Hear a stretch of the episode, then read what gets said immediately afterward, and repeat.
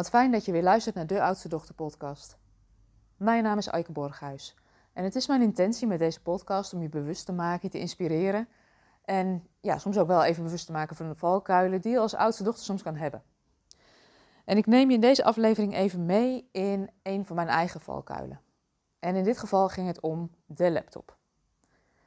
Afgelopen zaterdag kwam ik beneden en ik wilde aan tafel gaan zitten toen ik ineens opmerkte van jeetje, de boel is wel erg nat hier. En wat bleek? Een van onze katten die vindt brak water toch lekkerder dan schoon water. Dus die heeft mijn tulpenvaas omgegooid. Waardoor alle tulpen op tafel lagen. Maar niet alleen die tulpen, uh, maar ook de hele inhoud van de vaas. Het was één waterballet in de woonkamer. En toen ik verder keek, toen zag ik ineens dat mijn MacBook midden in die plas lag. En niet alleen die MacBook, ook een stapel boeken waren gewoon rijp voor, uh, voor de prullenbak. En op dat moment baalde ik ontzettend. En ik dacht, die stomme rotkat. Maar goed, dat heeft natuurlijk geen zin. Want, nou ja, dat doen katten nu eenmaal. Drinken uit zo'n vaas is gewoon lekkerder. Maar je kan je voorstellen dat ik wel baalde. En ik baalde helemaal omdat het manuscript van mijn boek bijna naar de uitgever moest. En die dus in die MacBook zat, waar ik op dat moment mee verder zou willen. Ik had dat weekend nog de tijd om eraan te werken. Ik heb eerst de boel opgeruimd. Ik heb even een rondje gewandeld. Ik was gewoon pissig. En op dat moment daarna heb ik de MacBook die ik al een tijdje in huis heb liggen, ik denk al een paar maanden, erbij gepakt om daarop aan de slag te gaan. En ik had het geluk dat ik het manuscript gewoon wel ook in de cloud had opgeslagen. Dus dat is sowieso een les. Sla dingen op in de cloud. Op het moment dat er dan wat aan de hand is, dan heb je in ieder geval een backup. En toen ik met die laptop aan de gang ging, uh, raakte ik al snel gefrustreerd. En waarom raakte ik nu gefrustreerd? Ik raakte gefrustreerd omdat de app waarin ik heb geschreven niet op de nieuwe MacBook stond. Um, ik merkte dat uh, apps niet werkten. Ik merkte dat wachtwoorden niet automatisch waren opgeslagen. Kortom, het was gewoon een boel gedoe. En als ik ergens een hekel aan heb en als ik ergens niet goed mee ben, is het wachtwoorden en ICT-geneuzel. Want dat zijn de momenten, eigenlijk de enige momenten dat ik baal dat ik ondernemer ben en dat ik niet naar een helpdesk toe kan lopen met hier heb je de meuk, regel het. Nou ja, thuis uh, die hele middag bezig geweest met het installeren van die dingen. En dat ging tot op zekere hoogte wel goed. Uh, maar wat leer ik nou van dit soort dingen?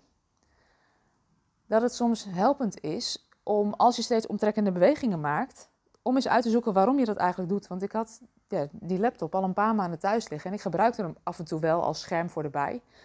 Maar echt om hem te werken gebruikte ik hem niet. Nou, ik wist nu ook waarom dat was. Dat ding was gewoon niet goed geïnstalleerd, waardoor ik iedere keer vastliep als ik hem gebruikte. En wat doe je dan? Dan pak je het patroon wat je goed kent. Dan pak je die laptop van acht jaar geleden of acht jaar oud erbij. En neem je het voor lief dat hij soms wat langzamer is. Uh, maar uiteindelijk had ik achteraf gezien natuurlijk veel eerder die nieuwe laptop moeten installeren. Dat had een boel gedoe gescheeld. En ik weet niet of je dat bij jezelf wel herkent, maar ik merk dat ik vaker kies dan voor wat ik ken of wat vertrouwd is. Het kan gaan over um, ja, dingen die je moet regelen in je bedrijf, die je keer op keer blijft herhalen of repeteren of in je dagelijks leven. Um, omdat je denkt, oh dat doe ik wel even, in plaats van dat je dingen echt structureel oplost.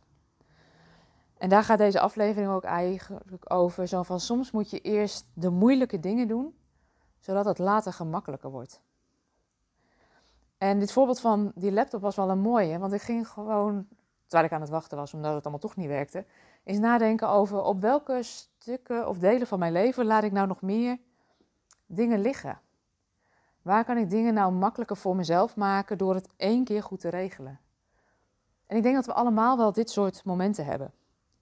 Een haakje in de keuken wat je gewoon vast moet zetten in plaats van dat het haakje iedere keer weer uit de muur dondert op het moment dat je er een theedoek aan hangt.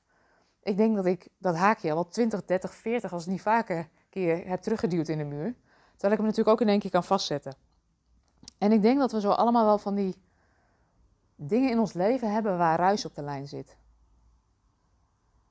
Ik ben wel benieuwd waar bij jou die ruis op de lijn zit. Waar neem jij nog genoegen met ja, de snelle oplossing waarvan je denkt van, oh, dat doe ik wel even.